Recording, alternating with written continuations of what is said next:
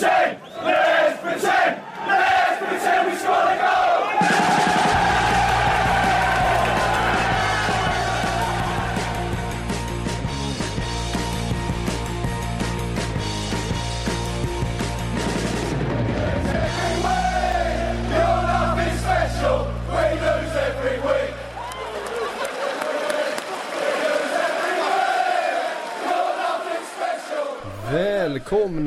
Hälsar vi då till eh, Sportbladets Premier League-podd där vi ska prata om vinnare och förlorare. Med mig i studion har jag det starkaste vi har att erbjuda Erik Niva och Kalle Karlsson. Välkomna hit!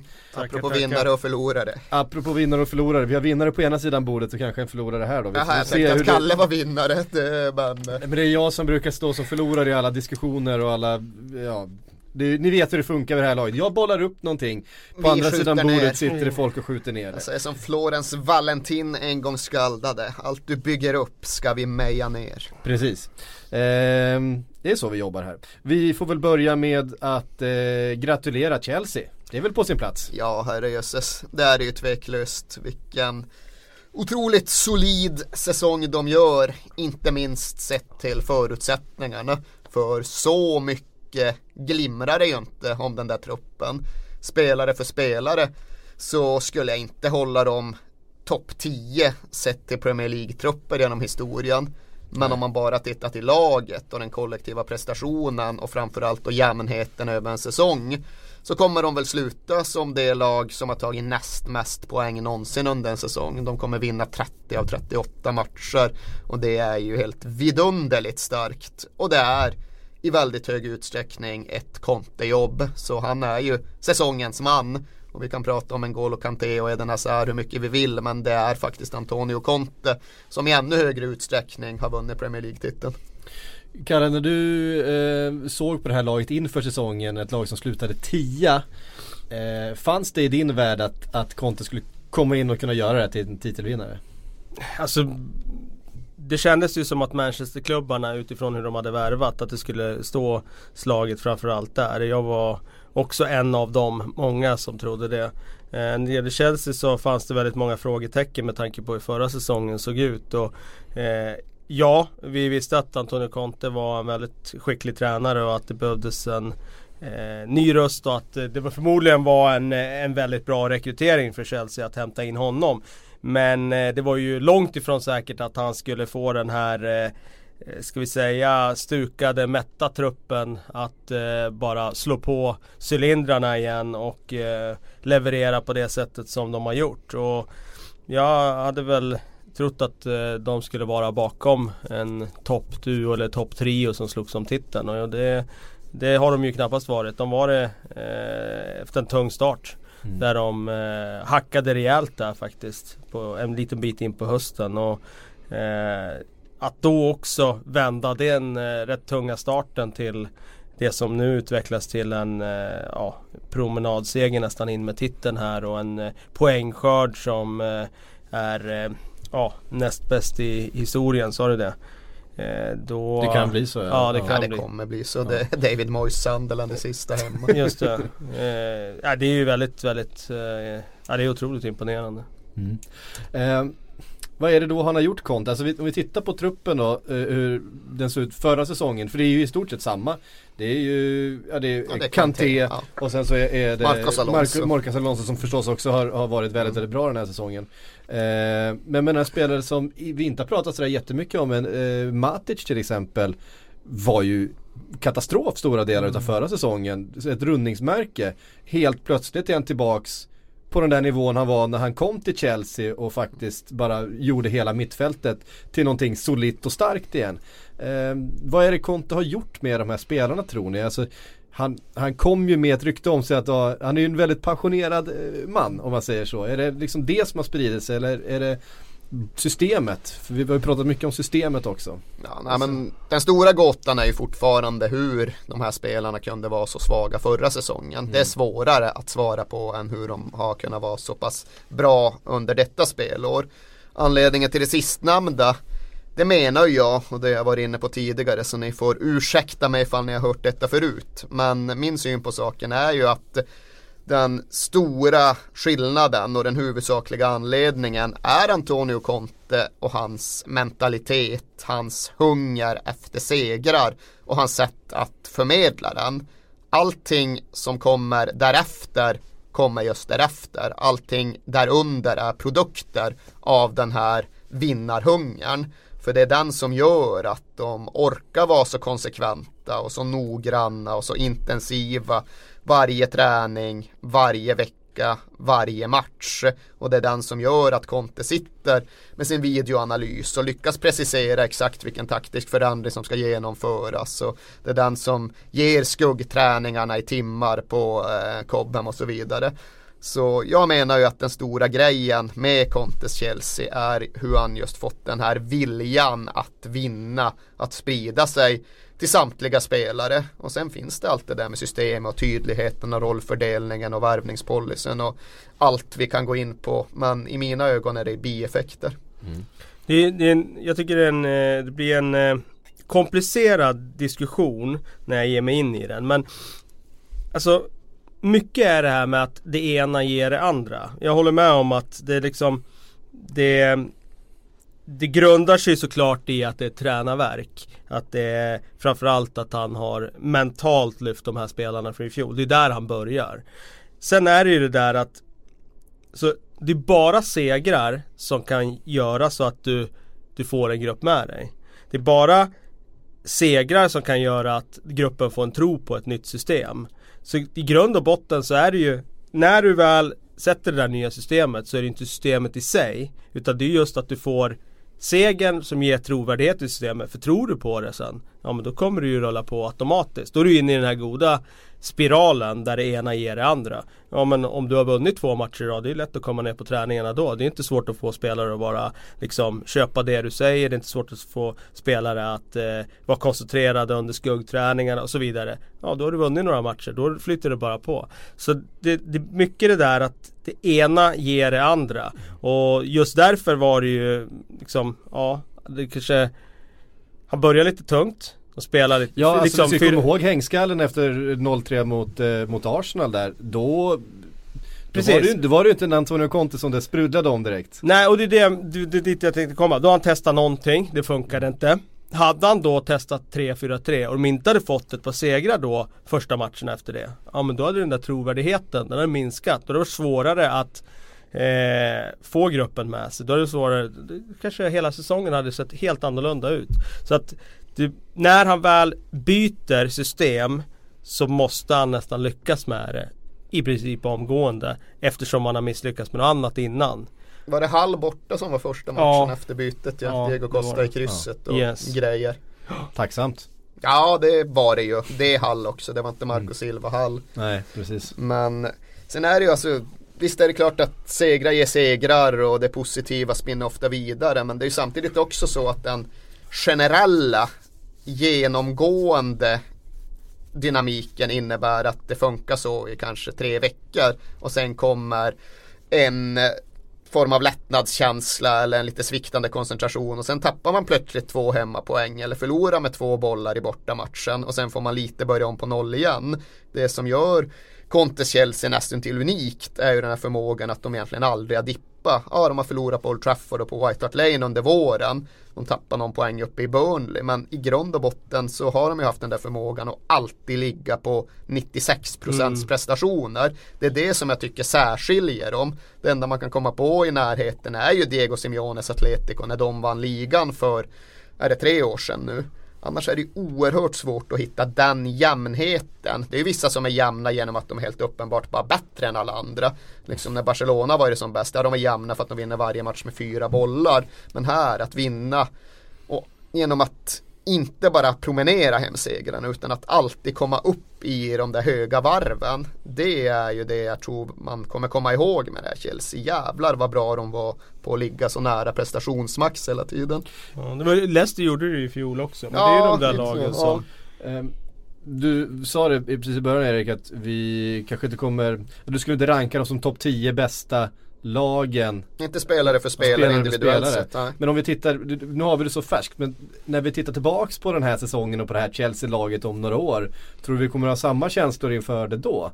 Eh, Ja det tror jag, för jag tror inte att Victor Moses kommer liksom lyfta ytterligare en nivå. Jag tror inte att de kommer sälja en spelare som sån kommer liksom trampa av och bli mycket bättre än någon annanstans. Skulle det vara så att Eden Hazard gick till Real Madrid är det klart att han skulle få ännu högre status. Men jag ser inte speciellt många andra av de individuella spelarna, individuella spelarna som skulle lyckas bättre eller ens lika bra i någon annan miljö. Utan det är miljön som är grejen, det är inte de enskilda spelarna. Det, då måste jag bara, bara ett, eh, en parentes här då. För förra veckan så eh, hade vi Lill-Hannus och, och Bränning i studion och då fick jag frågan, eller vi fick frågan om de tre bästa lagen i Premier Leagues, eh, gjorde en avgränsningen då, eh, Premier Leagues historia och då fick jag ingenting utav de här eh, klåparna som satt där förra veckan. Eh, jag utnämnde The Invincibles, eh, Ja. Un- United 99 och eh, Mourinhos första lag. Eh, Jag, ja, jag Good calls alltså. Eh, som, som de tre bästa lagen. Jag- jag- ingenting jag- med men jag tänkte jag ska jag bara kasta ut den på er också för att ni kan ju faktiskt bidra med någonting här. Ja men jag köper Invincibles så, såklart. Jag köper Chelseas första eh, upplaga 04-05 som den bästa Chelsea-upplagan. Men jag, skulle, jag tycker att United 07-08 var bättre än 99-laget. Eh, Mm. De hade eh, såklart en annan typ av konkurrens i ligan då. Och, eh, men jag tyckte de hade mer spets med Ronaldo-laget än med 99-upplagan. Jag håller med om att det är där diskussionen finns. Jag skulle faktiskt även lägga in 94-laget som Man United hade någonstans i ekvationen. Det blir lite skevt i och med att det var en annan kravbild och, och man behövde inte en bred trupp och man behövde Ja. inte olika spelmodeller på samma sätt som man gör nu för tiden. Men den elvan de hade då och sett till varifrån de kom och sett till hur de kunde ta precis varje match på det sätt som den behövde tas. Ville någon spela fysiskt så då jävla spelade det Man United-laget fysiskt.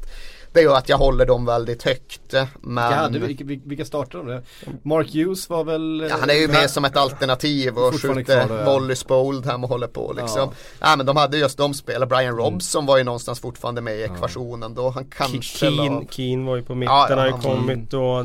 Cantona, Cantona Hughes. var ju där då ja, precis. Eh, Kanchelskis och Giggs kunde. Giggs. Lee Sharp var väl fortfarande kvar som alternativ Ja, kanske. det var nog där ja. Och sen en backlinje måste ha varit med Ja, det var Pallister och. Bruce Ja. och Dennis Paul- Irvin såklart. Paul Parker eller? Ja, undrar om han var kvar. Det är nog frågan om. Det är, Gary- svårt, det, är svårt, det är svårt man ser på Steve Bruce idag och tänka att det är ändå bara, det är ändå bara liksom inte så länge sedan han spelade mittback för, för eh, Manchester United. Eh, mm. Men tillbaks till, eh, till Chelsea och den här truppen då. Hur skulle ni säga att den står sig i Europa? Nu har vi sett ett fantastiskt Champions, League- Champions League-slutspel här. Eh, med några eh, ja, Alltså, med, med, med några lag som förstås ligger en nivå över det Chelsea som, som spelar en Premier League i år. Det får vi väl ändå konstatera. Men hur nära är de? Nej men de är inte en miljon mil borta, det är de inte. Man färgas ju av Premier League-klubbarnas icke-prestationer de senaste säsongerna och ligger därmed nära till hands och säga att oj oj det är en helt annan nivå. Men det är det inte, alltså skulle Antonio Contes lag ligga så nära sitt prestationsmax som de alltid har gjort så skulle de absolut kunna spela semifinal lika väl som Cholo Simeones Atletico skulle kunna göra det. Sen tror jag också att Real Madrid, Juventus, ja jo och kanske FC Bayern också är ytterligare ett litet hack. Barcelona får man väl också ta med där. Men just att eftersom Atletico Madrid bevisligen kan spela semi så mot 17 hade Chelsea kunnat göra det och även om de förmodligen hade förlorat mot Real Madrid så hade de inte blivit helt blåsta av banan. Det hade de faktiskt inte. Eh, men det är ju då förutsatt att de hade prestera lika bra i det europeiska cupspelet som de har gjort i England. Och det har man ju inte kunnat förutsätta med Premier League-klubbarna på sistone. Men jag tror att Contes lag hade sett till att göra det. Och nu får vi ju se dem då. Förstås. Eh, nästa säsong. Eh, Kalle, om du hade varit sportchef här. Eh, hur hade du breddat den här truppen och hur hade du försökt spetsa den? Mm, det där är ju Det där är ju lite lurigt nu om man tänker att Diego Costa kan vara på väg bort. Eh, där måste du såklart in en eh, ersättare av samma kaliber vilket är väldigt svårt att hitta. Morata? Eh, frågetecken. Ja räcker men det? är, inte- det, är Lukaku? inte, det är inte samma kvalitet som Diego Costa med allt vad Diego Costa innebär. Eh, han Lukaku? kan, kom upp i, ja han, han tycker jag kanske fyller ut kostymen lite mer då med sin fysik och, och sådär. Men eh, alltså Diego Costa med, med liksom auran, matchvinnarförmågan och attityden och de vassa armbågarna. Jag ser väldigt få som skulle kunna gå in och, och fylla ut hela den eh, positionen efter honom. Så den är svår. Den är svår. Eh, Självklart behöver de bredda men jag tycker framförallt då i så fall att det är där nere de behöver bredda. Alltså Batshuayi visar ju att han är tillräckligt bra för att stå bakom och, och göra inhopp och vara nummer två. Eh, men däremot på mittback och på eh, wingback-positionerna där tycker jag att de behöver förstärka och, och ha eh, spelare som är lika bra minst som alternativ till Alltså en spelare som man tänker på är en, en, en Victor Moses som man känner att man skulle kunna uppgradera kanske. Men han har gjort en fantastisk säsong. Eh... Det är ju tyvärr så att det finns många som vill uppgradera på wingback och det finns väl en wingback som inte är helt ointresserad av att röra på sig och det är klart att skulle Conte kunna värva och sen coacha Kyle Walker så tror jag absolut att det skulle vara en uppgradering. Uh, så det lär de väl sondera hur det ser ut med. Uh, du ser lite bekymrad ut när du säger det här. Ja, alltså jag är bekymrad. Du har ju Trippier. Ja, jo, alltså jag tror att Trippier så här, jag tror att med Trippier så kommer man kunna komma topp 4 utan större problem. Med Kyle Walker så tror jag absolut att man kan vinna ligan. Ah, okay. Alltså det går att vinna ligan med Victor Moses och det är inte så enkelt men ja, han är en titelvinnarspelare och det tror jag väl inte att Trippier är. Jag tror också så här. Det nästan att vinna ligan med Alice Soko på Ja, ja men precis, precis. Det är inte så enkelt. Men jag tror så här att jag tror att Kyle Walker vill röra på sig. Jag tror mm. att vi har kommit till den punkten. Jag tror att han ser vad han skulle kunna få någon annanstans. Och jag tror att det har skurit sig lite halvt i alla fall med Pochettino. Men, Barcelona då? Borde inte de vara intresserade av honom? Gärna för mig. För jag tror att både jag och alla runt klubben säljer ju mycket hellre Kyle Walker utomlands än inom landet. Jag vet inte om Kyle Walker är Barcelona-kompatibel. Det har pratats en del om FC Bayern och jag tror väl kanske att det steget skulle vara marginellt lättare att ta. Men jag tror ju ändå att i andra hand Chelsea och i första hand Man City ligger närmare till hands. Men jag vet ju också att även om nu Kyle Walker är sugen på att röra på sig så kommer det ju inte vara enkelt att värva. För han sitter på ett långt kontrakt, Tottenham är inte i behov av att sälja och det är Daniel Levy på andra sidan förhandlingsbordet. Så ja, jag tror så är att ifall en engelsk klubb ska köpa Kyle Walker då kommer det vara nästan 50 miljoner pund som krävs. Och jag tror att Man City kan vara tänka sig att betala typ det. Och jag tror att Spurs möjligen kan tänka sig att släppa till Man City. Chelsea så är det ytterligare 10 miljoner pund på prislappen. FC Bayern är det förmodligen 10 miljoner pund ner. De skulle väl kunna få honom för 38 miljoner pund kanske. Mm. Men det är där någonstans. Och det är klart att får man en dryg halv miljard för en alltjämt rå och svårtyglad wingback. Så ja, vad fan, då får man väl lov att sälja. Men jag vill ju inte tappa Kyle Walker, absolut inte. Um, det ska i alla fall bli väldigt spännande att se hur uh, det här laget och den här truppen hanterar det ganska det är ganska stora uppgifter som det är att kombinera. För de har ju inte behövt kombinera, de har haft väldigt lite skador också mm. ska man säga i den här. Jämf jämförbart med Leicester förra året som också det... fick gå igenom en hel säsong i stort sett med samma startelva. Måste ju ändå säga att det är intressant att ligan vinns nu två år i rad av, av lag som är utanför mm. Europaspelet året innan. Går upp och vinner ligan. Det säger rätt mycket om hur Alltså hur dränerande, mm. energidränerande det här Europaspelet är. Mm. Eh, det hissar en varningsflagg för Everton också. Ja exakt, det är kanske de är som är mogna nästa år. Southampton. mm. eh, men just det där rena träningsveckor. Det är ju, ja det är ju en ynnest jämfört med att liksom behöva planera in liksom Rostov långa, Rostov, ja, med långa mm. Europaresor liksom mitt i veckan. Det är ju en enorm skillnad. Det är det verkligen. Eh, hörni, det var eh, Chelsea det. Vi gratulerar dem och sen så får vi väl eh, säga grattis till Swansea också då som klarade nytt kontrakt. Verkligen. Paul Clement kommer in och gör det som kändes som ett självmordsuppdrag nästan och tar över det hopplösa Swansea som det var. Som Bob Bradley lämnade efter sig. Eh, Det var Ja, ju inte liksom, bara han. nej, inte bara han men det, Det var var inte ju, så- det var ju ett, ett lag i spillror. Ett lag som, som rasade in 4-5 bollar i varenda match i stort sett. Ja, de hade väl någon svit där just innan han tog över när de just som du säger släppte typ fyra bollar i varje match och det var inte så att de mötte några demonlag. De hade fyra rätt sjaviga motståndare men släppte ändå in fyra bollar per match. Det var ju typ såhär West Ham, Bournemouth Bournemouth, ja men den typen av motstånd. Så det gick ju inte.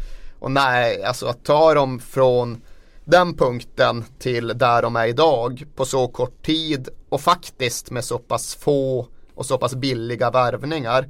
Det är ju verkligen en träningsplansprestation som ska lyftas.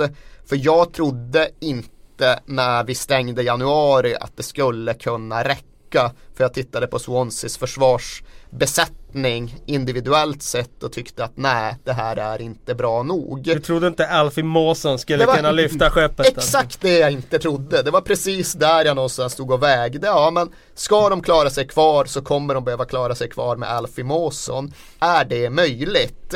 Och jag trodde ju inte det. Alltså jag trodde för jag visste ju att de skulle behöva gå bättre i poängsnitt än, ja de skulle liksom behöva ha ett topp 10 snitt nästintill för att klara sig kvar. Kan man ha ett topp 10 snitt med Alfie Mawson? Nej jag trodde inte det. Men Paul Clement pratade ju redan då på det sättet att ja men Problemet här är ju uppenbart och det är den defensiva stadgan och strukturen. Och där har jag förtroende i min egen förmåga att på kort tid på träningsplanen få ihop det. Och att eh, det är som när Babe Ruth då, då pekade på homerun och sen gick in och slog den på baseballens, vad är vi nu, 30-tal eller någonting. Han verkligen liksom sa, ah, det här ska jag göra och watch me go. Och precis det lyckades han med. Han tog Alfie Mawson och Kyle Norton och dessa sorgliga stycken fotbollsspelare och byggde försvar av det. Hållbart jäkla försvar. Och det är i mina ögon någonting som jag inte trodde var möjligt. Så jätteplus till honom. Sen har han gjort mycket annat rätt också. Fått till mittfältsbalansen igen och värdera faktiskt- upp Leon Britton igen och sådär. Det Men är faktiskt ett Swansea som man börjar känna igen i. Alltså som, som, som, har, som har lite bollinnehav, kan, kan rulla boll på mittfältet. Det har, det har vi inte sett på hela säsongen, för, alltså fram tills han tog över och inte i början han tog över heller. Utan det är nu när, när försvaret började fungera. Ja men då har man också växlat upp lite grann och har börjat ha ett eget spel igen som vi har vant oss vid att se Swansea göra kanske. Jag var lite bekymrad över att de hade tappat sin identitet tidigare under säsongen. Jag tyckte inte Jag gillade inte alls utvecklingen. Jag gillar ju klubbar som som har ett arv och som förvaltar det och som behåller det. Eh, och eh, i Swanseas fall så har de gjort det så systematiskt under tio års tid. Och att då se det bara falla ihop i en hög eh, och dessutom i ett lag som bara förlorar och förlorar. Det, det var hårt. Men eh, han snickrade ju ihop en mittfältsdiamant där och tog in Leon Britton. Han verkar ju ha nio liv den karln. eh, hur det gammal ganska- är Leon Britton nu för tiden? Ja men han är väl 81 va? Är han inte det? Ingen ålder. Nej det är det inte. Jag tror fan han är. Ja, det kan Ja, vara det- något sånt, va? 81 eller 82. 83 Något av det ringer. 82 var han tydligen. Ja, du ser, fan. Alltid är det något. Ja. Nej men det är att just blåsa liv i honom och ja, bygga mittfält runt honom och runt lilla Tom Carroll som jag inte Mm. heller trodde skulle vara tufft nog för den kravbilden. Men som har svarat upp fantastiskt. Det är väldigt Alltså, imponerande. han, han, han har ju alltid sett för tunn ut för, för att spela på den här nivån. Att han skulle bara bli bortknuffad hela tiden. Ja, men väldigt mycket bitigare nu i Swansea. Han kom ju in där och gjorde den där matchen på Anfield borta Ja. typ det första han gjorde och sen har han ju bara fortsatt Han och Martin därifrån. Olsson var ju liksom eh, Martin Olsson var Ja, en Martin Olsson nyckelvärvning. var ju en supervärvning Och faktiskt. båda de tittade man på för förhand och kände äh, Någonting bättre borde ni väl ha kunnat lyfta in liksom. Men även där, väl identifierat, väl värvningsscoutat på kort tid. Liksom ett fotbollsöga som inser att jo, men det är det här vi har behov av. Jag behöver Tom Carroll bredvid Leon Britton. Och man bara, ja, där ser han någonting och där gör han någonting som man själv verkligen får upp eh, lite häpnadsögon inför och känna att fan det där hade inte vem som helst klarat av. Nej. För ganska ofta kan man ju titta på fotbollstränaryrket och känna att ja men lite common sense så är det där man bottnar. Men det där är ju verkligen tre nivåer upp från det. Och Paul Clement är ju en tränare som har varit ute i Europa och, Mm. och suttit i några intressanta klubbar och och eh, arbetat med några intressanta managers minst sagt. Men det där, det där, det där är inte alltid det Nej, där det är inte alltid det som, som, som det är någon, någon hjälp men det är uppenbart, Ja. eh, uppenbart en, en eh, fin fotbollsmanager i Paul Clement. Ja, tycker jag det- vi kan konstatera. det är ju så jävla förödande hur det funkar just att så fort någon träningsplansperson väl tar klivet till att bli huvudansvarig manager så har de ju oftast bara en chans och sen är de brända och förbrukade och kasserade. Och det är hemskt för brittisk fotboll. Men så är det och så riskerade det att bli med Paul Clement också som gjorde det i mina ögon helt okej men i många eller i vissa andras ögon inte tillräckligt bra i Derby County. Fick sparken från Derby County och det hade kunnat vara det hade det inte varit så att han hade just varit i Real Madrid och PSG och Bayern München så hade han väl förmodligen inte fått en andra chans. Hade han bara varit i Twente Enskede och eh, Sporting Lissabon så hade väl det inte ansetts tillräckligt utan då hade han fått sin chans i Derby och det hade inte gått tillräckligt bra och sen hade han varit borta från möjligheten att verkligen vara huvudansvarig. Nu fick han i alla fall en andra chans, han tog den med båda händerna och nu är det ju ett sånt namn som kommer diskuteras så fort eh, England ska ha en ny förbundskapten igen. Ja, för det, det är kort det- väg det dit. Det är väldigt, väldigt kort väg dit. Men Ja. det är ju också just så att det är en ja, det är en omöjlig väg dit så tillvida att man förväntas ta sitt första jobb, överprestera konsekvent och in i all evinnerlighet och gör man inte det så tar man med viss rätt in Marco Silva istället. Och det är klart att det är ju förbannelsen med Premier Eller, League. eller Allardyce. Ja, jo. men, Nej, men- men det är förbannelse för Premier League både vad gäller spelare och vad gäller tränare. Ja, ja, ja. Att visst, man kanske får en chans som 19-årig spelare eller som 43-årig manager. Men ifall man inte tar över världen där och då så nej, men då väljer man att scouta något utländskt istället för då vet man vad man får. Det är färdigt paketerat och klart. Och det är ju en jäkla ett moment 22-läge för engelsk fotboll. Men med tanke på hur han profilerade sig och lyckades nu som krisdoktor Så borde han ju rimligen eh, nämnas varje gång det är lag i eh, undre halvan eller botten Femman som ska sparka tränare och ersätta dem. För det är ju samma namn som går runt där. Det är Allardyce du vänder dig till, det är Tony Pulis Som kan rädda ett skepp.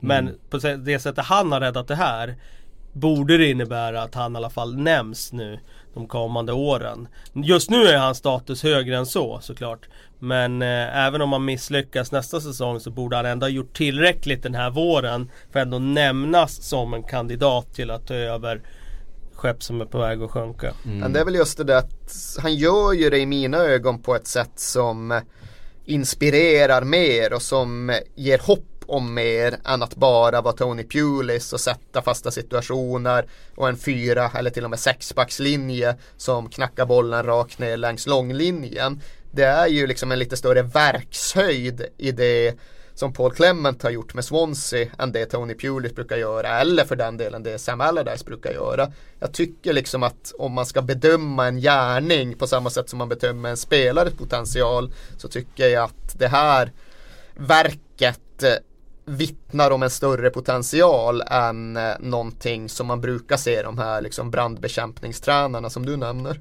Mm. Ehm, vi var inne, vi nämnde honom eh, vid namnen då. Halls tränare, Hall som eh, får tacka för sig för den här gången. Det eh, visste vi ju på förhand att eh, Hall inte skulle överleva det här. Jag vetade lite till och från under säsongen kan man väl säga. Ja, ehm, det var ju självmordsuppdrag uppdrag nummer två och då det bar ju inte hela vägen förstås även om Marco Silva gjorde ju någonting helt fantastiskt med en, sin budgetlösning. Han gjorde det bra. Eh, han gjorde det bra. Hade de Eh, bara slagit Sunderland hemma så. Ja precis, det vart ju ett skapligt eh, antiklimax att eh, få stryk på det sättet mot, mot redan avhängda Sunderland som ju kunde spela ut och slappna av. Det var ingen press längre och en Pickford som räddade precis allt. Som har gjort några gånger den här säsongen. Ja, jag tycker Fin- fin fortfarande, målvakt. nej, jag vågar fortfarande inte riktigt säga om jag tycker han är jättebra eller inte. Men ja, det visar sig framöver. Han är jättebra men han är väl typ Everton. 1,85. Mm. Det, är väl, det är väl det som är, hindrar Jag tror eh, Everton största. plockar honom. Ja. Det är bara en känsla. Nej, vi har det känns sagt så, precis det någon gång tidigare och vi, de behöver en målvakt så varför inte. Eh, men eh, Marco Silva lär väl inte bli kvar i Hall. Nej. Eh, och då är frågan vart han ska.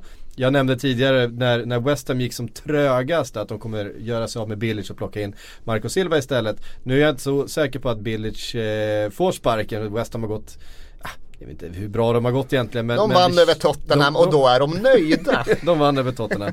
Eh, ja, de har ju blandat, eh, blandat och gett Det förstås. kan man säga. Men eh, men jag tror Bilic är kvar. Men frågan är eh, ett Southampton kanske? Ett Watford? Watford tror jag är en bra, eller ja, det, det skulle kännas logiskt. Sen jobbar ju inte Pozzi-styret riktigt på det sätt som alla andra gör och därför Logiskt. kommer, nej, därför kommer det ofta liksom left field lösningar därifrån. Men de lär ju byta tränare. Southampton tror jag väl ändå kommer klamra sig fast vid Poel ett tag till. Och där är det ju så att han värderas ju mycket lägre bland de som tvingas utstå Southampton vecka till vecka än han värderas utifrån någon form av allmän utomståendes uppfattning.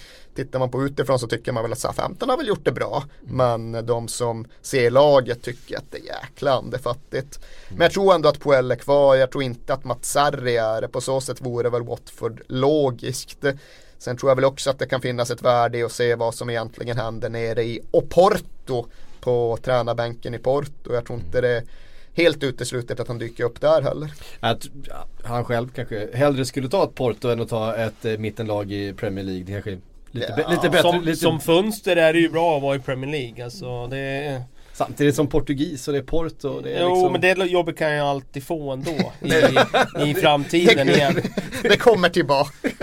Ja, men det känns nästan som att eh, har du varit i Premier League kan du återvända till Portugal och få ett jobb där. Ja.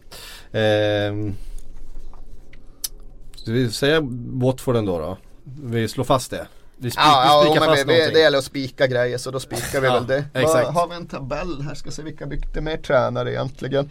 Stoke byter inte tränare men de kanske Nej. borde. Uh, ja, sen är det ju inga fler som byter tränare under sommaren. Ja, West Brom, alltså det skulle ju på fullaste allvar kunna skära sig med Pulis. Det kan alltid skära sig med Exakt, Pulis. det är någon konstig rättssak som liksom, men har inte han Ja, jättestora skulder för de där konstiga land, Ja, ja. markaffärerna han gjorde han har ju efter, eh, jättestora skulder till Crystal Palace men Ja, han skiter bara i att betala dem. Ja exakt. han tänker inte han, det struntar väl han i liksom. Han är en rättshaverist av, eh, av ganska stora mått. eh, det- På det sättet. Eh, Det är men- fascinerande att han, mitt intryck eh, bland folk som har haft med honom att göra och folk som jobbar väldigt nära den engelska fotbollen det är att han är så oerhört illa omtyckt. Alltså alla som har haft med honom att göra avskyr typ honom. Och det enda som räddar honom det är just det där, ja men han garanterar en viss poängnivå. Ja. Och så länge man 42 gör det poäng får du om du tar in Tony Pulis. och så länge man garanterar, då kommer man undan med vad fan som helst. Men skulle det någon gång börja dala, skulle han någon gång åka ur en serie, så känns det som att det är oerhört Han går ju från första många. till andra plats, han går ju från första till tionde. Ja, liksom. det är oerhört många som väntar på att hugga en kniv i Tony Pulis. Alltså jävlar vad folk Samtidigt verkar han ha en del kompisar bland andra managers som typ hade bra relation till Mourinho, Ja, han har bra Mourinho, relation till, till andra tränare sådär. Men, men eh, styrelser och eh, han lämnar liksom inte sådär många broar eh, obrända bakom sig. Det var väl en, en, en eh, bonus va? Om man skulle hålla Crystal Palace kvar så skulle han få någon slags bonus. Så den, den brände han för, han hade fått den och de var inte riktigt klara med detaljerna, var det inte så? Den här skulden han Jag har. vet faktiskt inte Han köpte, han köpte en jävla massa mark till, Klart sin, till sin dotter tror jag. Det kommer ju bottna i att han själv ville så här, plantera ut dovhjort och runt i keps och jag. Ja. Eh, Det är en jävla massa pengar det handlar om i alla fall. Det är, inte, det är liksom inte en månadslön. Nej, nej, det är ju Nej, så här det var- 50 miljoner spänn typ. Ja. Men det är som man förhör sig, ja, men vad händer med det? Han är ju dömd att betala. Jo, men han tänker inte betala. Jo, men han är ju dömd. Men det skiter väl Tony Pulis i liksom. Ehm, mm, vi får hoppas att West Brom-jobbet betalar bra då så att han kan eh, Ja. ja, men det spelar ingen roll. Han tänker inte betala. Förr eller senare så kommer, Nej, kommer det det- någon det- det- eh, är illasinnad från eh, Crystal Palace och, och knackar på dörren. Det Nej, I och för sig, är- det, Tony Pulis kan försvara sig. Det där är heller aldrig Han, fattat. han kan försvara sig. Men Var det inte James Beatty han sänkte i Ja, omklädningsrummet? naken i duschen. Liksom. Skallad! Ja, han, han hade ju handduken men den ramlade ju av när han skallade honom. Jävla, Enligt jävla sägnen. att bli skallad av Tony Pulis i en dusch alltså. Men kan ni förklara det ni som kör bil? För det är precis samma princip. Man liksom åker bil med folk så får man parkeringsböter. Man bara ställer sig och river sönder och så drar de vidare liksom. What's all that about? Ut liksom. Det är Tony Pulis princip, ja men du är dömd att betala, det skiter väl jag i liksom. Jag vet inte, jag, jag betalar mina parkeringsböter. Så att jag, eh, Ja det verkar vara så här valfritt liksom. nej, det, Kronofogden ringer ju efter ett tag. Ja, det verkar folk skita i. Ja, det, det kan du får stå för, för folk. För folk och för Tony Pulis.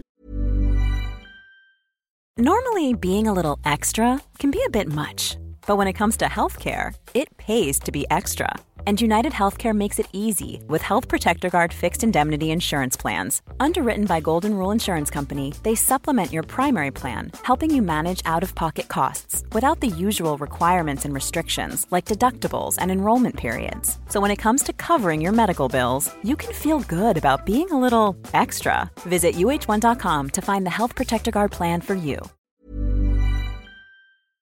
Ehm, vi sa hej då till eh, Hall, vi sa också hej då till White Hart Lane Erik. Mm. ni ska flytta typ 30 meter så att Vi ska flytta närmare White Hart Lane de facto. White Hart Lane är ju då för de som inte riktigt är bekanta med detta en gata i anslutning till eh, arenaområdet och mittcirkeln på den nya planen kommer ligga närmare White Hart Lane än den gjorde på den gamla. Men men, Men alltså det är väl under 100 meter som mittcirkeln flyttas. ja det är det ju. Det är det ju. Eh, Ja, nej det är ju en mycket mindre omfattande traumatik för oss än det har varit för West Ham eller till och med Arsenal eller ja egentligen för alla andra klubbar som har bytt arena. För eh, ja, det är ju många som ser det som att vi knappt ens byter arena. Nej. Det går lika gärna hävda att vi liksom Den jackar kommer upp den fortfarande heta White Hart Lane? Nej det kommer det ju inte, den kommer ju säljas naming rights Ja. till något jävla NFL-anslutet konglomerat eller någonting. Och vi får väl se vad det blir i folkmun. Men det är just det där, det är samma pubbar, det är samma skabbiga jävla område. Det är samma transporter till och från Samma arenan. jävla väg från Samma Seven Sisters Road ner ja.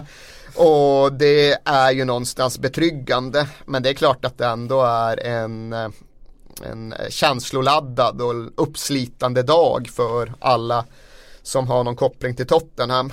Eh, sen blir det väl också just lite lättare av den här känslan att klubben är på väg framåt och uppåt. Det är inte den här idén om att ja nu sätter vi punkt för en fantastisk era och det kommer aldrig någonsin bli lika bra igen. Utan för många i min ålder är det ju snarare ja nu sätter vi punkt för en tid som i hög utsträckning har inneburit pest och pina och nu är vi på väg mot någonting större och kanske till och med bättre. Och det gör ju att det inte är fullt lika lika uppslitande. Eh, Hur känner du inför nästa säsong på Wembley då? Ja, jag känner ju att den är ett nödvändigt ont men jag Är tror du lite ju oroad över Ja, jag tror att den kommer curse? kosta poäng, absolut. Jag tror ju inte att vi kommer ta några 53 av 57 hemmapoäng. Eh, det är väl bara att utgå ifrån. Så det är synd. Det är li- Blir det full kapacitet på det? Jajamän, jajamän. De har ju fått något så specialtillstånd av stadsdelsnämnden där att eh, ha samtliga matcher med full kapacitet. Och, och 90 000 på alla då? Ja, alltså vi kommer definitivt fylla den i början av säsongen och ifall det inte kommer en stor sportslig nedgång så tror jag att vi mer eller mindre kommer fylla den säsongen ut.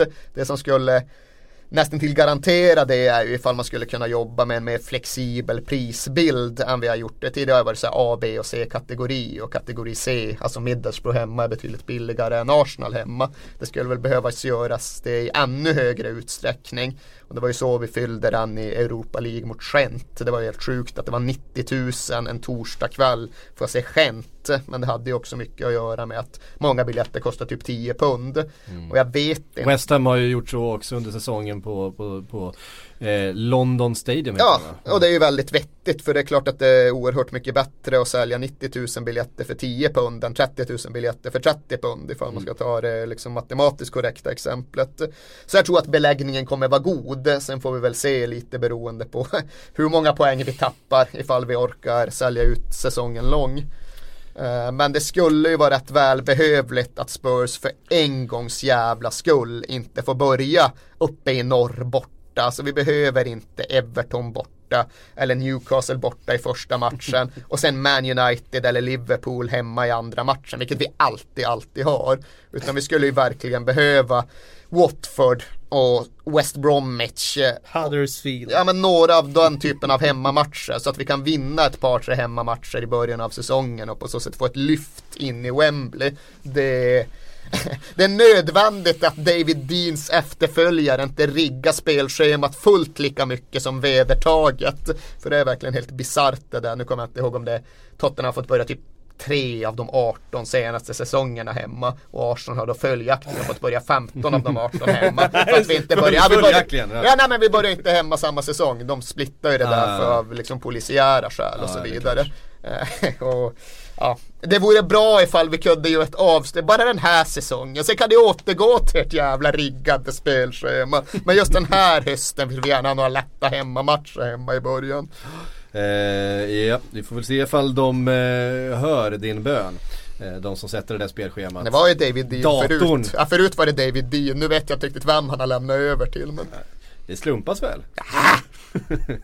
som Eh, svensk bandy, det bara slumpar sig varje år till att det är annandagsderby i precis alla matcher. Det bara slumpar sig så Ja. liksom. Ja, där är det ju inte slump. Där, där Ja, de hävdar, de låtsas inte ens. Nej. Okej, jag trodde att de låtsades. Jaha, nej. Ehm, på andra håll så gjorde Arsenal jobbet mot Stoke eh, och Liverpool svarade mot West Ham med det som fortfarande finns att spela eh, om då inför den sista helgen här. Eh, det är ju Europaplatserna. Ehm, Manchester City ska spela ikväll va? Ja, stämmer. och Arsenal också, de har hängmatcher kvar inför den avslutande omgången. Just nu fördel Manchester City och Liverpool om eh, tredje fjärde platsen.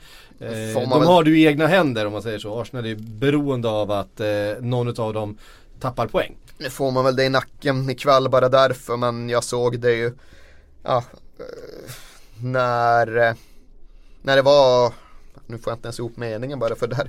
Nej men den senaste veckan lite, de senaste tio dagarna har man kunnat titta på spelschemat och jag tyckte att det var en nyckelmatch som överskuggade alla andra och det var ju West Ham Liverpool.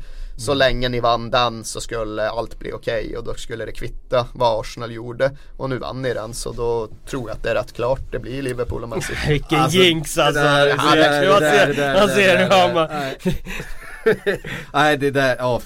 Ett avsågat Middlesbrough hemma med Baragan. Ja, tappar, ni, tappar ni mot Baragan så 0-0. då får ni tugga i er det hela. Nej. 0-0 och det blir jävligt jobbigt på ett par Middlesbrough-hörner eh, som vi inte kan försvara oss mot. Nej det 5-1. vet jag inte. 5-1. Ja, vi, vi, eh, det tar vi. Det tar vi i sådana fall. Ehm, om vi tittar då på den här Europaspelet för att det är ju både Arsenal och Liverpool. Vad betyder eh, ett Champions League- League-avancemang för de två respektive klubbarna? Manchester City räknar redan dit, de har ju ett försprång. Vi pratade om det där i något annat sammanhang för inte så länge sedan och min åsikt är att det betyder mindre än tidigare. Mindre än man har fixerat sig vid att säga att det betyder.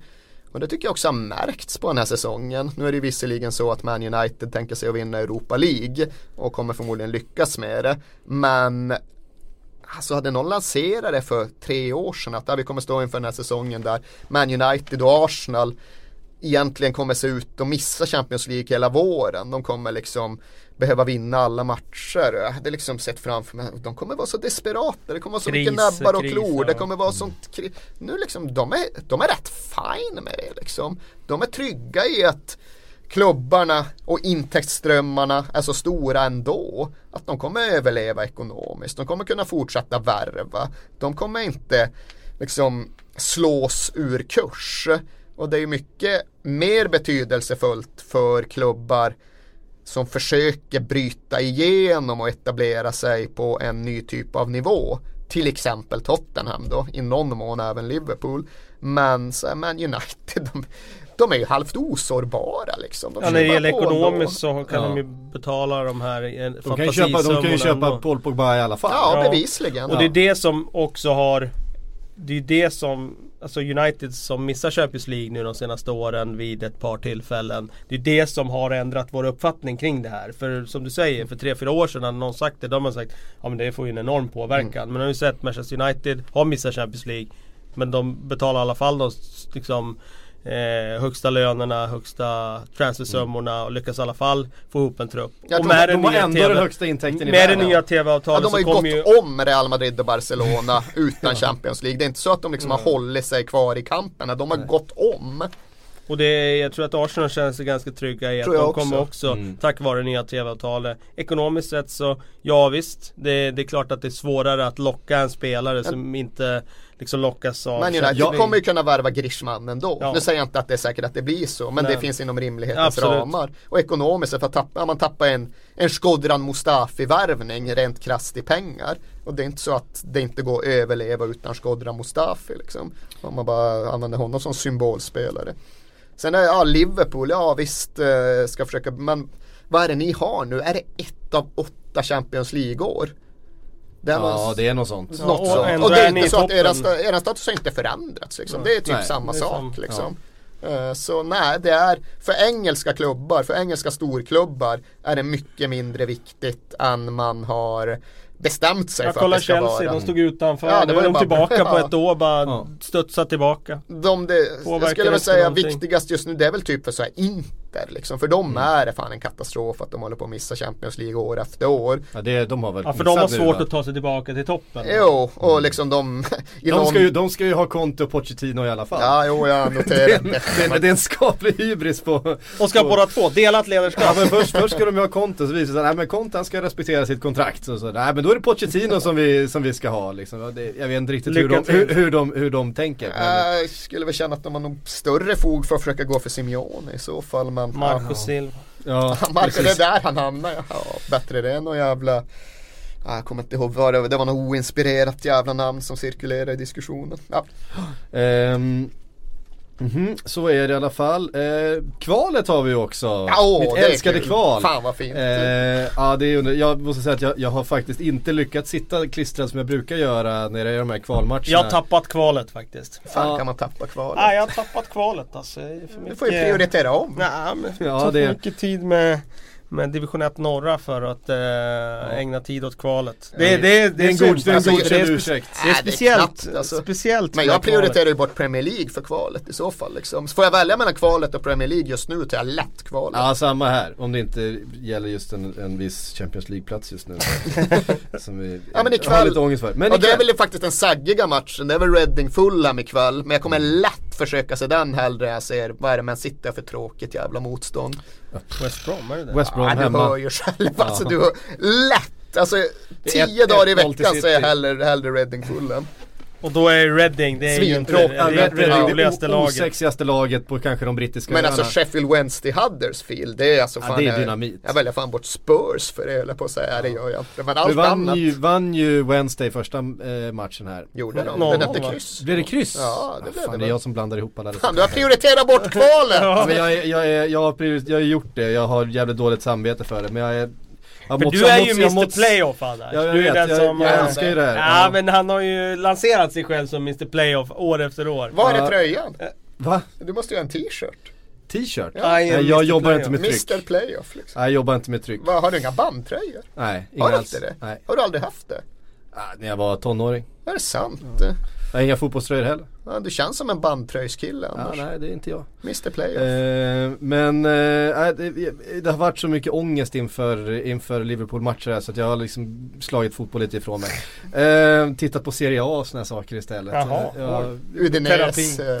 eh, Crotone Eh. håller på med ett mirakulöst jävla utbrytningsförsök. Ja. Och eh, ja precis med eh, Marcus Rodén. med Marcus Rodén ja, som eh, gör någon slags succé där nere. Kan du placera Marcus Rodén på en geografisk karta vad gäller ursprung och uppväxt?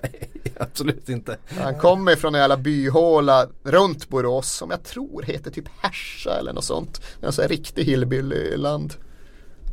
Ja, det, det, det är ju hillbilly runt omkring Borås. Jo det, är det, men ju- det är väl, jag tror att det här är extra mycket Det är extra, hillbilly. extra Ja, det, hillbilly. Ja. Det är fan inte mycket som blir mer hillbilly än Marcus Rodéns hemma, hemmaby. Men eh, Huddersfield, eh, Reading, Wednesday och Fulham då? Ni får välja en. Huddersfield såklart, eh, för att man tar alltid Är det så, eller? Ingen väljer ju Reading, det förstår jag. nej, Det- ingen väljer man Reading. inte, vare sig Fastän liksom- att det är Japstam som... Japstam eh, hade ju varit kul att få upp Ja, men och det är för sig. Men det är klubb. bara det också. Det är klubbprofil, det är arena, det är stad, det är Premier League-historik. Ja, det finns fan inget argument för Reading. Huddersfield är jag liksom i grunden svag för. För när jag och min polare Jocke satt hemma och spelade så här bordsfotbollsspel när vi var 12 år gamla. Så slog vi upp i Rothmans Football Yearbook vilket lag vi skulle måla gubbarna med i sån här jävla, vad heter det, modellflygsfärg liksom. Och då fick jag Huddersfield och han fick Hartlepool.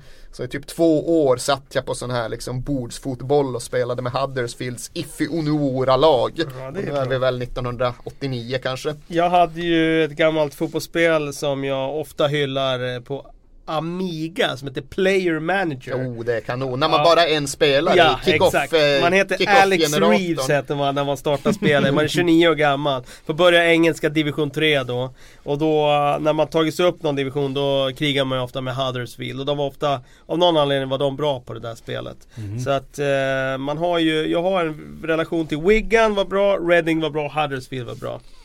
Så att, Men är det en eh, positiv relation som då Ja. i så fall Reading också får ta med sig eller? Ja men det var ju framförallt Wigan eh, som jag tog med mig av någon anledning. Reading, ja det, jo men jag hade nog Reading men det försvann nog sen att de var så jävla osexiga. när Det de var fint player manager alltså. Ja, det Jävlar var riktigt bra. Man får där med en enda spel och bara sökte boll Ja, hela ja, ja. tiden. Ja ja ja. Just kick-off-simulatorn är ju underskattad också. Jävla bra actionspel alltså. Ja, riktigt bra. Sen var det så roligt för att man var ju 29 år när spelet började i trean. Sen när man gått upp till högsta ligan, då har blivit 31. Och då i spelets idé var man ju för trött för, alltså 31, då var man ju Då förbi gick man det. bara runt och fördelade Då var boll. man så sjukt trött så man fick byta ut sig själv alltid i andra halvlek sen. För att eh, man gick på tandköttet liksom. Det var fint kick-off. Om man bara höll 55. inne knappen på joysticken så höll man ju fast bollen liksom. Stod man där, höll inne knappen, roterade, sen släppte man där det väl blev läge. Ja, det är sjukt kul. Det är fint.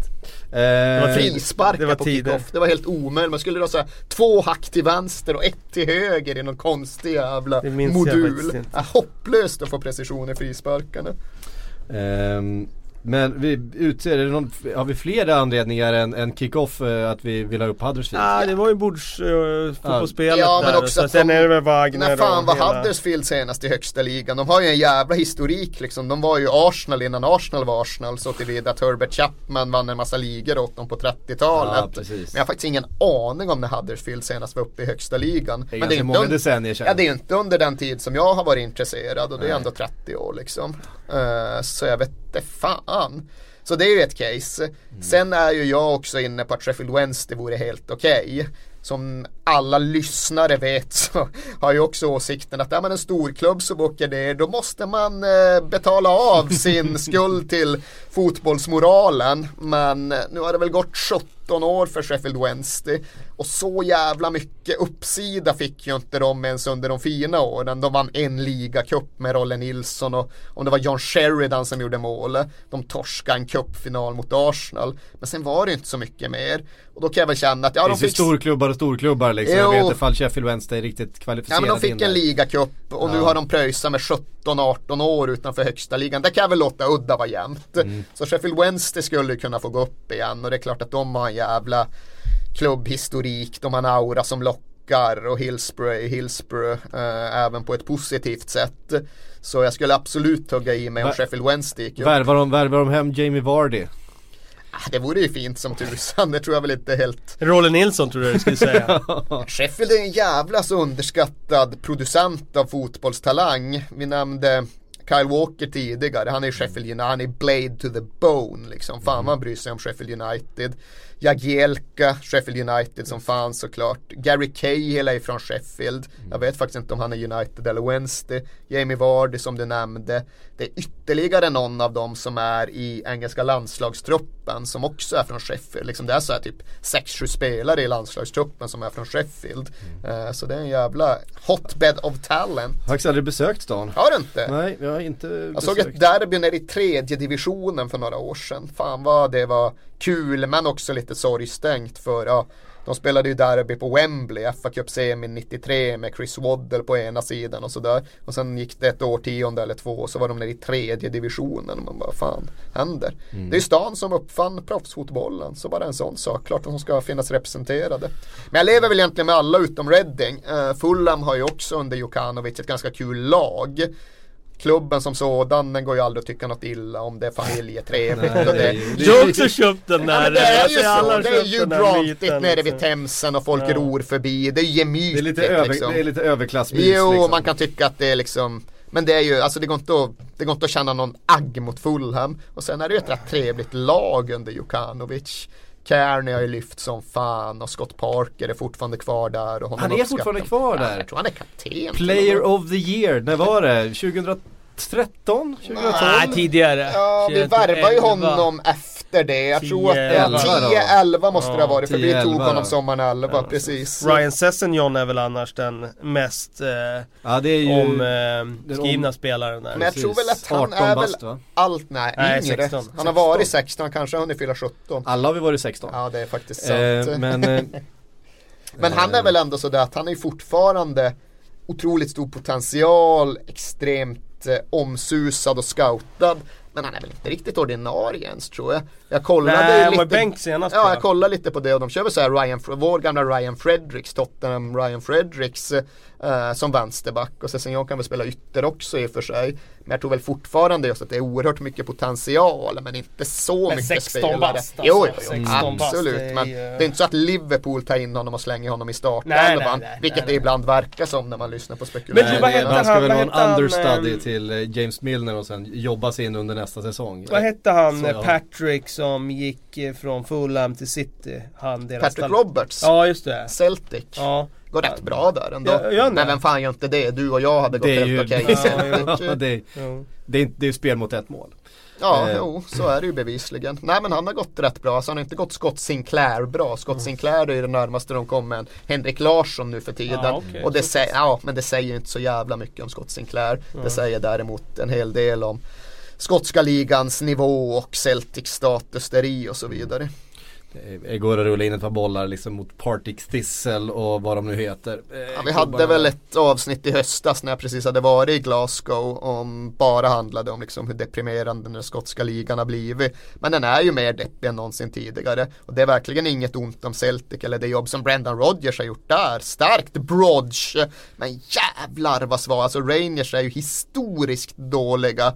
Även om de kommer från tredje divisionen. Och det skrämmande är ju att de ändå är där och tafsar på andra tredje platsen liksom. De är den närmsta man Vad kommer. har du för spelare i Rangers nu? Ja men det är Kenny Miller och dem. Ja, okej. Han är ju 45 liksom. Ja, fort- Nej men de har ju alltså Nico Kranjčar har ju tillhört truppen bara en Ja, sån okej. grej. Men Joey, Joey Barton var ju där och vände. Nico Kranjčar kan i alla fall lira boll. han kommer ju spela för Birmingham City nästa säsong. Ja men han har ju, jag tror inte han har gjort många matcher för han har tillhört truppen. Men Ja, jag nämner okej. honom bara för att vi kan hans namn. Men Nico Kranjčar. annars Man gillar ju Nico Kranjčar. det var väl Ett Robert, tag i alla fall. Robert Flecks grabb var väl inte Robert Fleck. John Fleck va? Ja exakt, han var väl den stora grejen där ett tag och honom sålde de till, till Brentford för inga pengar och sen blev det ändå ingenting. Så nej, det, ja, det är fan inte muntert runt, runt den klubben eller runt den ligan. Robert Fleck, det var han som fixade hörnan när eh, Skottland eh, satte eh, 1-0 på Sverige i VM 90 genom Stuart McCall. Ja, fan han stångar in den där kommer på bortre stolpen och bara petar in en glidtackling. Stämmer. Men jag hade ingen aning om att det var Robert Fleck som fixade hörnan. Jag kommer ihåg jag var på White Hart Lane sommar 93 för Makita-turneringen som den lite diffusa försäsongsturneringen hette då. Det var Spurs, Lazio, Chelsea, undrar om Ajax kan det, ja Ajax var fan där. Eh, men då liksom kom Robert Fleck in som Chelseas stora, stora sommarvärvning och möttes av ovationer från den kortsidan som hade korsat London. Eh, det är mitt starkaste Robert Fleck-minne. Eh, hörni, vi har fått lite frågor också. Vi har några minuter kvar. så Kör vi, ditt vi- Robert Fleck-minne Syk. Jag har inga Robert Hur Fleck-minnen. fan kan man inte ha det? Ehm, Andreas Jonsson undrar vilket av de degraderade lagen ger ni störst chans till Premier League-spel 18-19? Det är alltså eh, Sunderland, Middlesbrough och Hull. Middlesbrough, Ja, det måste man ju kanske säga. mest resurser och minst eh, omstruktureringar och eh, ganska solid, eh, om man nu får säga så när man åker ur. Mm. bas som de ändå har byggt upp under flera år. Sunderland, där behöver de ju göra alltså helrenovering och Hall det känns som ett väldigt, väldigt osäkert eh, projekt nu med tanke på att Alam kanske tar sina pengar och stoppar dem i fickan istället för att investera dem i nya spelare. Mm. Um, Dinesh Mendes undrar, vad händer med Alder Feirel? Därför förlänger han inte med Spurs. Var kommer han dra om han inte förlänger? Mm, ja, han kommer inte dra någonstans, han kommer förlänga vad det lider. Det det handlar om nu att de håller på att yxa kring de här klausulerna. Så som det är nu så har han ju en utköpsklausul till en ganska låg övergångssumma. Men den kommer börja gälla först sommaren 2019 om jag inte misstar mig. Eh, så det är ingen stress och det är ingen panik men eh, de vill väl Vad är för ålder på honom nu igen? Aldeverell, vad kan han vara? 27, 28 ja, där någonstans. Ja, så det är liksom ingen stress där. Nej, det är ingen stress över Aldevereld heller. Det vore ju tacksamt om vi fick det klart under sommaren eftersom att det är klart att man vill säkra upp honom. Men eh, det behöver inte bli en kontraktsförlängning i sommar. Det är liksom ingen akut situation ändå. Men min gissning är att det blir det. Jag tror inte att vi har några problem där inte. Eh, Emil Rundgren undrar vilken spelare har överträffat era förväntningar inför säsongen mest? Eh, och kommer denna göra om det till nästa säsong? Har vi någon som har överträffat era förväntningar? Någon spelare? Ja. Harry Maguire. Haha, fan, good call. Han hade väl kanske ingen, några större förhoppningar på men han är ändå det, det, är, man må, det, det är förväntningar mot för... Ja, grejen är att jag tyckte han var helt okej okay just i det Sheffield United-lag som låg nere i tredje divisionen. Jag minns de mötte Spurs i någon ligacup-semi och sådär. Men då var det utifrån den måttstocken. Ja, mm. men rätt bra tredje divisionsspelare ändå liksom. Mm. Men, eh, nej men han klev ju fram som en eh, mittbacksbjässe här under våren i flera matcher och ja, nu räckte det inte till nytt kontrakt men eh, jag tror att han kommer att spela i Premier League nästa säsong och varför inte i Newcastle? Och varför inte ytterligare en av de här Sheffield-bördiga spelarna i en engelsk landslagstrupp? Jävlar! Det ser. Det. Annars är det väl de här Chelsea-killarna, det går inte att förneka liksom Victor Moses och i någon mån även Marcos Alonso och den alltjämt underskattade Cesar Aspilicueta. Mm. Men kanske framförallt Victor Moses skulle jag nämna. David. Luiz. Ja, men ändå liksom skulle jag behöva nämna en spelare under Premier League-säsongen 16-17 som har presterat på en nivå och i en roll som jag inte hade kunnat se framför mig. Då hade det blivit Victor Moses även om det är ett namn vi har nämnt förut. Mm. Um, uh, ja, vi skulle, vi skulle avsluta det här med uh, svara på Erik, eller Å, Å, vad säger man nu, får jag inte ihop någonting här. Erik Bengtsson vill att vi ska dra ihop vårat Team of the Years. Vi kan väl avsluta med att bara resonera oss fram till en till ett Team of the Year tillsammans. Oj, hur ska eh, vi komma överens då? Nej, men det vi får väl vi... börja i rätt, man kan ju börja i anden med självklara namn. Ja, Azar och Kanté är ju helt självklara. De ja. går inte att flytta på. Jag tycker på. Kane också är självklar. Ja, det, Kane är också jag protesterar inte. Ja. Och jag, tycker... jag vill ha in Ali där också. Jag protesterar inte. Nej, vad hade vi då? Fyra som var givna? Dele Alli ska ju... Kanté, Ali, då blir de mittfältsparet Ja, då får vi köra diamant. Ja. Diamant Ska alltså. vi köra wingbacks Nej, eller? nej, jag nej, vill ha wingbacks. Men offensiva wingbacks. Eh, där man kan placera lite vem som helst. Där man kan få in yttrarna. Då får vi in många.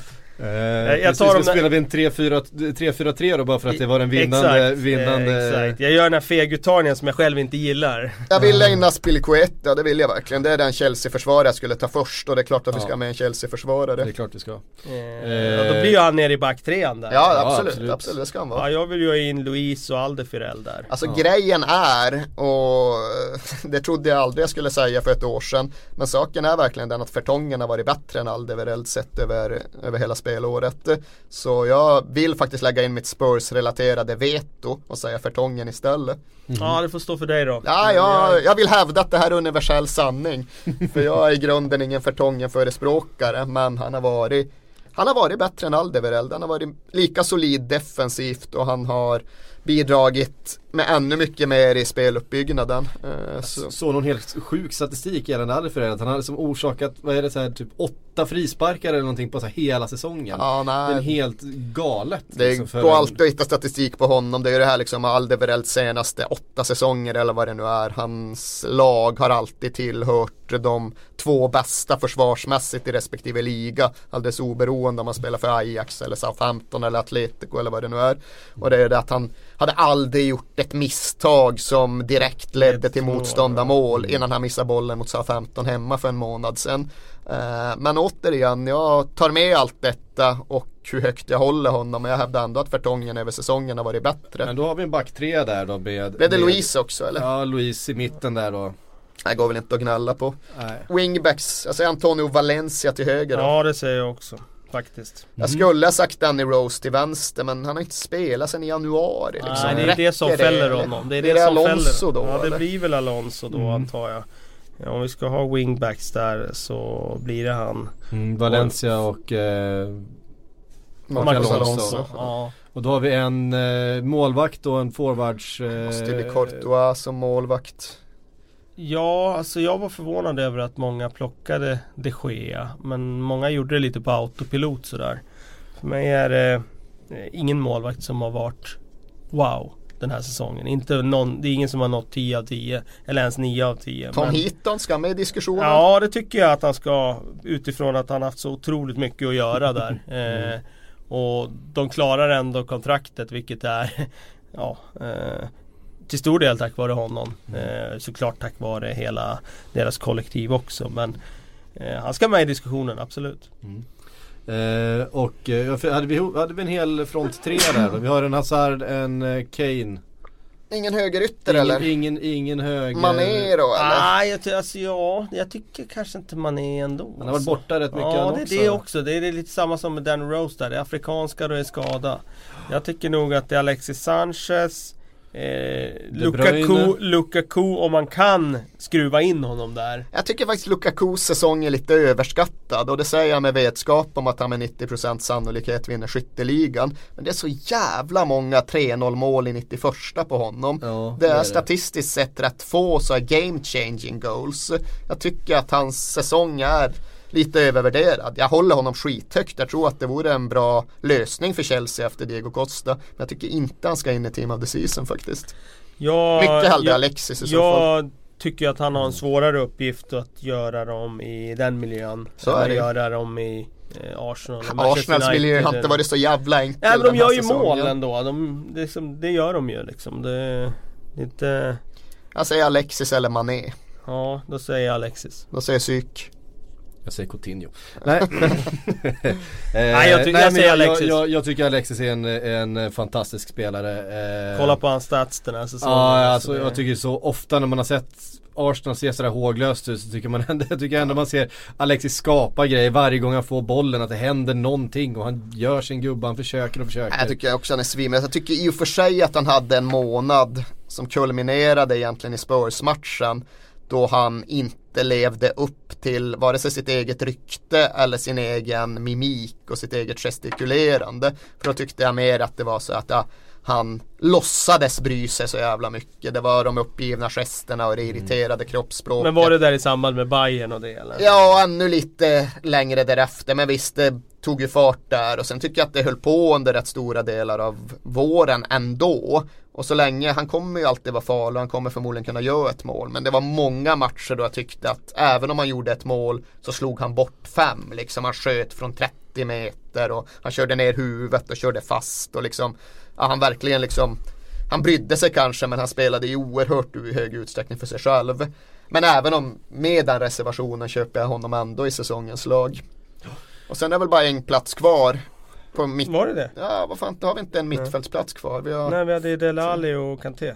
Dele Alli Kanté och så wingbacks Alonso Valencia. Eh, och där fram eh, Hazard, Kane och Alexis. Lite skevt att vi inte har någon Man City-spelare med. Det blir det. Ja det är De Bruyne i så fall då som Ja. ska in. David Silva har varit jävligt bra Men är han perioder. bättre än eh, de som vi har tagit ut? Nej, Det är det ska som är frågan. Nej det är ju så va. Eriksen ska det också vara ett starkt Ja. case för. Alltså han har varit jävligt bra sen i december någonting. Men sen var han för sig rätt blek under några höstmånader. Och då är frågan, har han varit bättre än de som vi har tagit ut? Och då är svaret nej, det har han inte varit. Jag, jag skulle kunna göra ett case för att De Bruyne ska in eh, på Alexis Ja, han plats. Har han varit Eh. jämnare än eh, Alexis? Om du jämför hans stats med Alexis. Jag, jag har dem inte framför mig men, men eh, Jag tycker att han, han var ju väldigt, väldigt viktig för City under en ganska lång period. Han var liksom den självklart bästa spelaren. Jag tyckte han var under en period, framförallt i början på säsongen, Ja, jo, ligans bästa Ja, spelare. jo, men det var eh, under ganska många Absolut. omgångar där han var, var väldigt, väldigt viktig för dem. Sen har han ju dalat lite grann, droppat lite i form. Fått spela på ganska mycket olika positioner också. Ehm, Det är sinnessjukt när man tänker tillbaks på de där första tio matcherna. Hur ostoppbara Man City framstod som. Ja. Man kände att fan de kommer ju liksom de De kommer ju blå- blåsa resten hem ligan. Ja. precis. Och de kommer just vara så här igen. De kommer nå 100 poäng liksom. Ja. Och De Bruyne kommer fan vinna Ballon d'Or liksom. Lite så kändes det ju där och då. Ja, och jag kommer ihåg att vi satt i den här studion och var så här, nej men om det är något lag som kan utmana i Champions League också så är det ju City med allting de har. Liksom. Jo men det var det ju på ett sätt också. De slår de ju tre mål på Barcelona på 50 minuter. Ja. Och nu var det visserligen andra lag som lyckades med det också mot Barcelona. Men Man Citys högsta nivå, ja den kan absolut hävda sig där ute i Europa. Sen är det ett jävla problem när eh, Sabaleta, Otamendi och John Stones behöver försvara också. Mm. Jag vet inte varför jag nämnde Sabaleta i sammanhanget. Han ska komma undan kritik en sån här dag när han snart ska göra sin sista insats för Man City. Jag minns inte riktigt när liksom det började rämna där. Spurs borta! Var det den? Ja, de hade väl en Champions League-match mot Celtic just eh, som blev Just 3-3. det, just det var det. första gången de överhuvudtaget såg sårbara ut. Sen vände de hem efter den och mötte Spurs direkt och blev blåsta av banan. Och sen blev det aldrig riktigt detsamma igen. Ja just det. Ja just det, för sen gick de på kryss hemma mot Everton, kryss hemma mot Southampton. Och sen var de inne i en period där det... Det var Heung-Min Son som sprang, i- sprang sönder Manchester Citys säsong. Honom vill man ju också nämna någonstans för att eh, jag tycker han har varit fantastiska perioder också. Så bra har han inte varit. Han har inte varit, han inte varit årets Nej. lag bra men, men man vill ju gärna ge honom någon slags omnämnande för framförallt den här perioden när Harry Kane var skadad att han axlade ett, ett offensivt ansvar Tänker där du nu på våren eller? Ja, Ja, för under hösten gjorde han ju inte det, även om han var bra mot Man City hemma. Men han blev Player of the Month nu, så det var väl ett bra omnämnande, det kan han väl ha. Och jag gillar ju honom, han ska absolut eh, vara in eller around en Spurs 11 även nästa säsong. Men när man utvärderar honom ska man även ta in att när han är misslyckad är han helt fenomenalt misslyckad. Då går han fan inte att ha på plan. Men det som är tacksamt är att det nästan alltid går att se det på honom. Så har han en av de dagarna, men ta honom efter 45 liksom. Mm. Hörde ni, det var allt vi hann eh, med den här veckan. Vi är tillbaka med ett avslutande avsnitt nästa vecka. Då ska vi eh, risa och rosa ännu mer. Då blir det PLP Awards som vi har gjort eh, de senaste säsongerna här. Eh, det ser vi fram emot. Då blir det lite, lite udda grejer. Eh, då kommer jag säkert få ännu mer stryk. Jag, jag har klarat mig rätt bra eh, den här veckan faktiskt. Ja, jag tror det fan. Bra. Du vann ju till och med liksom. Du konstaterar att alla har vi varit 16. Och det har Alla, vi faktiskt. alla har vi faktiskt varit 16. Eh, den den eh, smashar in. Eh, hörde ni, tack för att ni har lyssnat. Vi hörs om en vecka igen.